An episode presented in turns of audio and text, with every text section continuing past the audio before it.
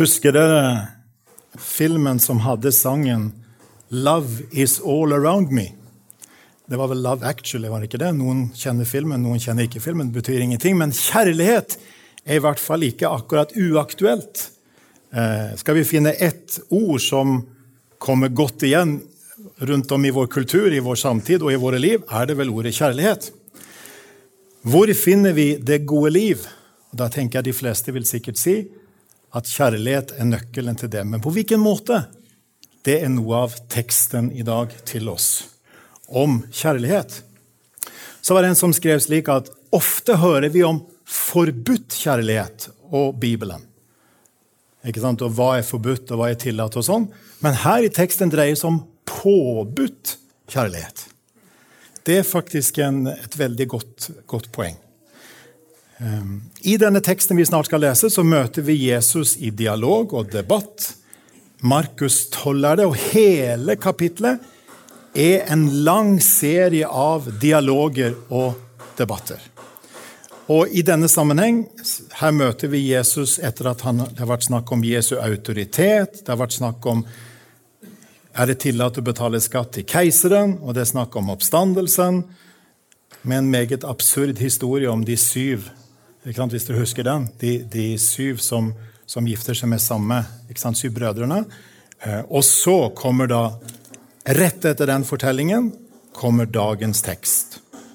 Og før vi leser teksten, skal vi merke oss to ting. Hva er spørsmålet som Jesus får, og hva ligger i spørsmålet? Og for det andre kan dere grunne på, som jeg har grunnet en god del på, hvorfor avrundes teksten med 'og ingen våget å spørre ham mer'? Hvorfor i all verden skaper Jesu svar og samtalen den reaksjonen? Med det som bakgrunn, la oss reise oss opp og lytte til dagens tekst. En av de skriftlærde som hadde hørt på dette ordskiftet og lagt merke til hvor godt Jesus svarte, gikk bort til ham og spurte, hvilket bud er det første av alle? Jesus svarte, det første bud er dette, hør Israel, Herre vår Gud, Herren er én. Du skal elske Herren til Gud av hele ditt hjerte, av hele din sjel, av hele ditt sinn, av all din kraft. Det andre er dette, du skal elske din neste som deg selv. Ikke noe annet bud er større enn disse. Den skriftlærde sa til ham, Du svarer godt, mester. Det er sant som du sier. Herren er én, det er ikke noe annet enn han. Å elske ham av hele sitt hjerte, av all sin forstand, av all sin kraft, og å elske sin neste som seg selv, det er mer verdt enn alle brennoffer og andre offer. Da Jesus hørte hvor klokt han svarte, sa han til den skriftlærde, Du er ikke langt borte fra Guds rike. Og ingen våget å spørre ham mer. Kjære himmelske Far, dette er ditt ord. Ditt ord er sannhet. Hellig oss i sannheten. I Jesu navn. Amen. Herren er verd all vår kjærlighet, er et tema som, som er satt på, på denne prekenen. Nå kom det temaet nokså tidlig i prosessen, så det spørs om det matcher alt. Men noe må sies. Eh, og så ble jeg oppmuntra av å, å, eh, få en prat med Geir Sandvik på veien inn her. Han hadde drømt om meg i natt, og talen. Og, og, Geir hadde drømt om at talen bestod av masse masse bilder og store tegninger og ligninger og sånn. Og jeg kunne berolige han med at det kommer ikke så mye av det. Um, Hvilket eh, spørsmål eh, fikk Jesus fra den skriftlærde? Jo, hvilket bud er det første av alle? Og nå har vi allerede hørt fra Hilde her litt om, om, det, om hvor mye et kilo veier av ulike slag. Det første betyr også det største, selvfølgelig, og betyr også det vesentligste. Hvilket er først av alle bud?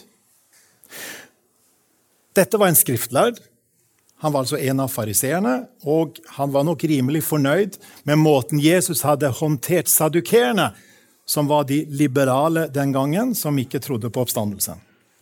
Så vi eh, hører at han la merke til hvor godt Jesus svarte når folk fra det andre partiet kom. Og så var det sånn På Jesu tid synes det være to tendenser blant de skriftlærde. Noen sa stadig flere bud. Vi trenger mer bud. Vi trenger enda flere retningslinjer. Og det var hundrevis av bud som forelå. Og noen andre sa nei, men vi trenger ett eller to eller tre samlende bud. Noe som liksom viser oss det sentrale i hele loven. Og inn i denne debatten, denne samtalen, denne aktuelle, aktuelle eh, dialogen de skriftlærde imellom, så er det vi må forstå denne, dette svaret fra Jesus og dialogen her. Men Jesus går dypere enn denne debatten. Og Samtidig er det ikke noe allmennmenneskelig i dette her.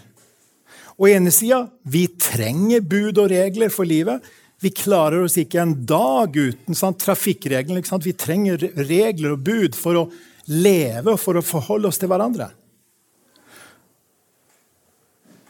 Og vi er velsignet med politikere som er opptatt av å lage bud, og forhåpentligvis gode bud eh, og regler.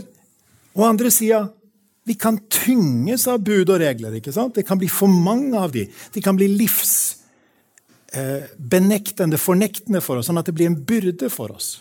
Og midt imellom at vi trenger bud, og vi klarer ikke av å ha budene, er det at dagens tekst viser oss noe radikalt. Jesu undervisning er egentlig grunnleggende radikal. Og det som sto for meg her, var at det er akkurat som om Jesus gir oss noen briller til å se livet på en ny måte. Til å oppdage et nytt syn på livet. Eller om du vil, et livssyn. Og det fokuserer på først Gud selv. Hvem er Gud? For det andre, hva er Guds bud i en sum? Og så møter vi indirekte her Guds kjærlighet. Og så antyder Jesus noe til slutt som er noe av det mest spennende i teksten. Noe om Guds rike. Og der må vi forhåpentligvis lande til slutt. Gud selv, Guds bud, Guds kjærlighet og Guds rike. Jesus begynner med det de to har felles, den skriftlærde og Jesus, trosbekjennelsen. Hør, Israel, Herren vår Gud, Herren er én. Utrolig sentral i det jødiske livet. Noe som en ba hver dag, fremsa hver dag, eller bekjente hver dag. Noe som en bar på pannen, bar, hadde på husene. ikke sant? En hadde det. det. Livet var preget av det. Og så er vi i dag Vi minnes på at det er også vår bekjennelse. Herre vår Gud, Herren er igjen. Og jeg ble minnet om to boktitler. Den ene er The God Who Is There. Den Gud som virkelig finnes til. Den Gud som er der. Sånn, sånn som den gamle salmen sier, Gud er Gud om alle mann var døde. Gud er Gud om alle land lå øde. Guds virkelighet. Og Kanskje er det det denne bekjennelsen skal minne oss på. At Gud er der. Gud er virkelig. Gud er reell. Uavhengig av hva vi tenker om Gud. Så er det tankevekkende hvis dere har fulgt med i sommer. Det kommer opinions opinionsundersøkelser som sier at for første gang så er det et flertall i Norges befolkning som ikke vil si at de tror på Gud som skaper. Og, det er en tankevekkende utvikling. Og Samtidig gir det muligheter for folk vet mindre. The God who is there. Gud som hellig i sin kjærlighet, i sin rettferdighet, i sin trofasthet. Men så utfyller jo hele Bibelen dette bildet. Så når vi leste trosbekjennelsen i stad, så er den i linje med den jødiske, men breiere på grunnlag av hele Guds åpenbaring. Gud som Far, Sønn og Hellig Ånd. Kanskje trenger vi å stanse opp og erkjenne i undring og tilbedelse Gud selv. Gud er til. Og for å legge til en annen boktittel av samme forfatter Gud er der, og han er ikke taus. Gud har talt. Og Samme forfatter sa det sånn vi trenger å bøye oss for Gud to ganger. Først som skaper, og så som frelser. Det gir oss et grunnlag og en inngang i denne teksten, der Jesus begynner med det de har felles Gud selv. Og så er da utfordringen til Jesus. Er det mulig å oppsummere hele bud, bud, Guds bud, alt, all, all Guds lov, i én sum? Så kommer dette som vi kjenner så veldig godt. Det doble kjærlighetsbudet. Så er det sånn at Guds bud uttrykker hvem Gud er. Det er et uttrykk for Guds vesen, for hans kjærlighet og hans vilje. Og Når Jesus skal svare, så er det interessant å kombinere han ett kjerneord fra femte Mosebok og ett fra, fra, fra eh, tredje Mosebok, er det vel. Og snakker om at kjærligheten gjelder hele livet. Det gjelder hele oss. Ikke en del av oss er unntatt. Ofte kanskje vi begrenser kjærlighet til en del av livet. F.eks. at kjærlighet har med følelser å gjøre. Men her er at kjærlighet har med hele livet å gjøre, med hele oss å gjøre. Av hele ditt hjerte. I Bibelen er hjertet personligheten, noen ganger følelsen, i hvert fall tilliten til Gud, troen. Av hele din sjel. Ja, det kan stå for liv i oss. Relasjonen til Gud, bønnen. Av all din forstand. Det står for tanker, holdninger og overbevisninger. Av all din kraft. Det står for viljen, handlingene, energien vår. Av hele vårt vesen. Jeg vet ikke hva du eh, tenker først når du når du hører Jesu ord om dette. Jeg syns det er noe veldig vakkert i dette. er Det ikke det? Det tegnes et bilde av slik ønsket Gud at det skulle være. Det er noe nydelig over dette. Vi skulle ære Gud med hele vårt vesen. Elske ham med hele oss. Tenk om det var mulig. Det var slik Gud skapte oss. Det var Guds ønske. Men så tenker jeg, Er vi ærlige, så går det ikke lang tid før vi må skjønne at dette er jo umulig for oss. Det Jesus løfter opp her, er et vakkert ideal som burde prege oss, men hvor utilstrekkelighet møter oss veldig fort. Enten det er på det ene eller det andre området. Vi ser vår egen utilstrekkelighet. Det er ikke tvil om at når en ser teksten i sammenhengen her, at det var en av grunnene til at Jesus fortalte dette, var å vise behovet for nåde. Behovet for tilgivelse. Behovet for Guds tilgivelse og kjærlighet. Et apropos da til denne samtalen her. Hvor var det denne samtalen ble holdt mellom Jesus og skriftlærde? Jo, på tempelplassen av alle steder. Altså i forgårdene. Eh, og det står ikke nærmere spesifisert hvor hen det er. Men la du merke til at, at den skriftlærde svarte veldig klokt på én ting, sa Jesus. Altså, Den dype kjærlighetsrelasjonen til Gud og til vår neste er mer verdt enn alle brennoffer og andre offer, sa den skriftlærde. Og da aner vi kulissene rundt samtalen, gjør vi ikke det? Som er tempelplassen og tempelet. Så den dype kjærlighetsrelasjonen til Gud og til vår neste er mer verdt. Den overgår enhver religiøsitet, enhver ofring. Og da begynner vi å ane at her er det noe som ligger indirekte i teksten for vi ser ikke bare vår egen utilstrekkelighet, men vi ser også Jesu tilstrekkelighet. Vi ser at han som møter den skriftlærde, det er jo han som i sitt hele liv på en fullkommen måte har gjort dette. Elsket Gud med hele seg på en fullkommen måte. Han er den eneste historien som har gjort det. Og så har han gått den tunge veien til Golgata og sonet i vårt sted for at vi er utilstrekkelige, for at vi ikke får det til. Hans soning, som, som, det er blitt sagt i, i, i litt eldre oppbyggelseslitteratur, Jesu gjør, gjørende og lidende lydighet. Jesu lydighet både i handlingen og i sitt sonoffer. Han er den eneste som har levd et liv med fullkommen kjærlighet til Gud. Han er den som gir seg selv som et fullkomment offer for vår skyld i vårt sted. Så det er akkurat som teksten peker i retning av Guds rike. For Guds rike er grunnlaget.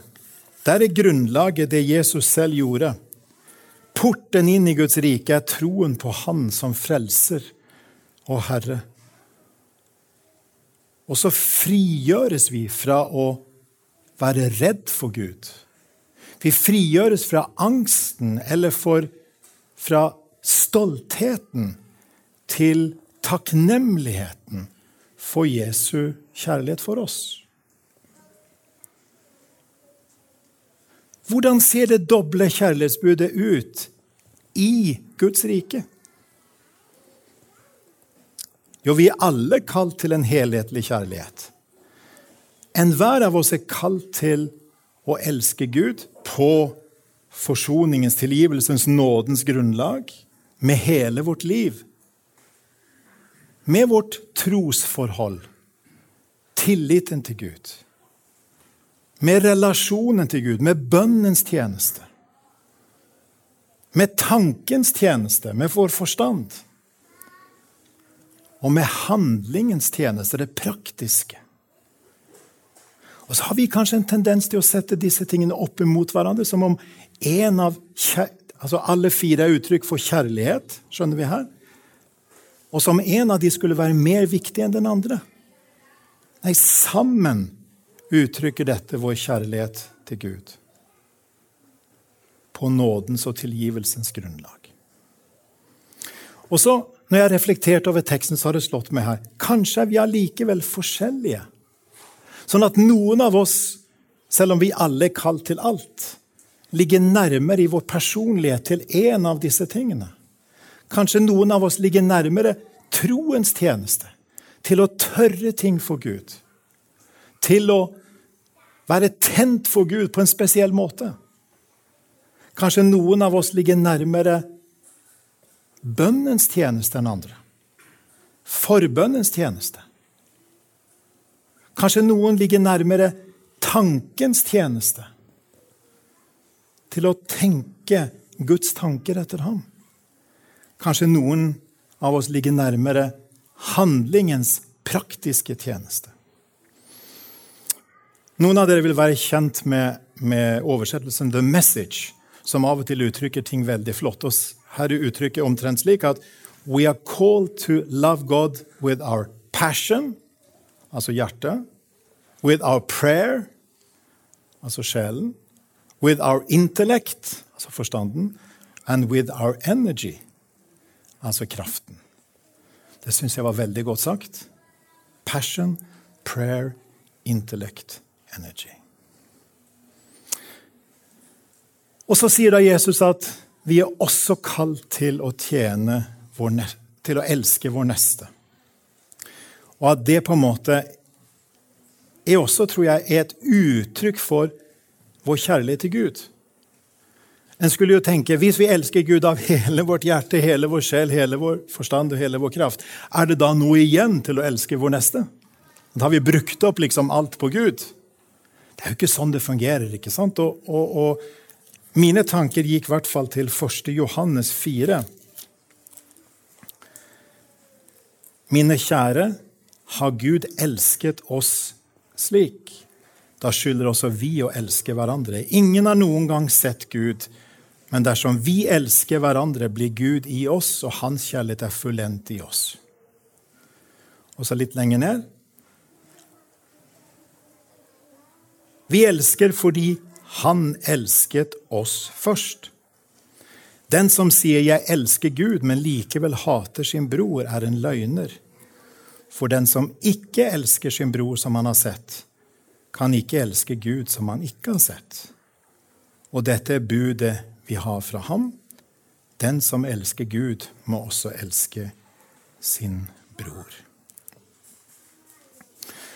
På generalforsamlingen til Misjonssambandet i sommer så var jo på lørdagskvelden var Michael O fra Lausanne-bevegelsen hovedtaler på misjonærinnvielsen. Det var sikkert mange av dere som enten var til stede eller hørte på annen måte. eller så. Og Michael O har en av de tingene han har vektlagt sterkest de siste årene, eh, som leder for denne globale misjonsbevegelsen, har vært at vi trenger å tenke både på en, de 1 prosentene av Guds folk og de 99 prosentene av Guds folk. Han sier ofte har vi fokusert kun på de 1% som er ansatt i kirke og misjon. Mens 99% av Guds folk har ikke misjon eller kirke som sånn formell arbeidsgiver. Men de 1% er kalt til å utruste de 99% til å gjøre tjeneste for Gud innenfor forsamlingen og utenfor forsamlingen på hverdagens arena. Og Snart skal vi synge 'Hverdagskristen vil jeg være'. Og Kan vi ikke tenke over i den sangen eller den salmen som er en fantastisk uttrykk for hva vil det si å elske Gud og elske vår neste i hverdagen? Hvor er din arena? Hva er din gave og oppgave? Er du primært Har du en slik gave eller en slik oppgave tjeneste at det ligger i retning av troens tjeneste, av forbønnens tjeneste, av tankens tjeneste eller av handlingens tjeneste? Så kunne vi gått inn på hver av de og sett på de. Se f.eks. på handlingens tjeneste. Det kan gjelde de praktiske.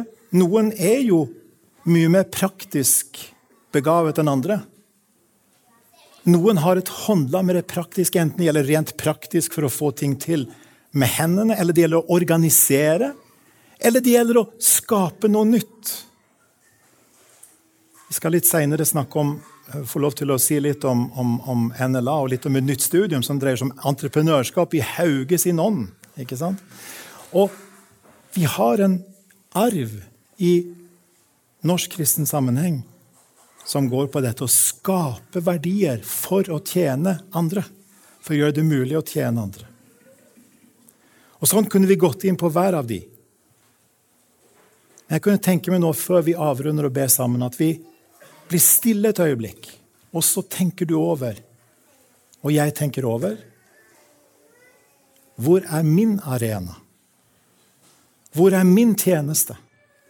Hvor kan jeg få lov til, på nådens grunnlag, fordi Gud har elsket meg, elsker jeg Han og min neste? Troens tjeneste, forbønnens tjeneste, tankens tjeneste, handlingens tjeneste. La oss bli stille et øyeblikk.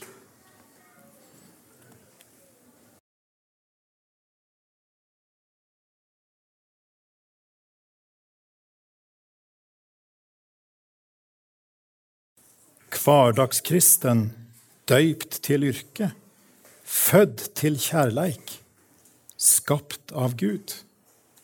Vigslar heim og hall til kyrkje, kjøkenkrå og handelsbu. Mynt og vara får Guds stempel, fals og fusk på døra må.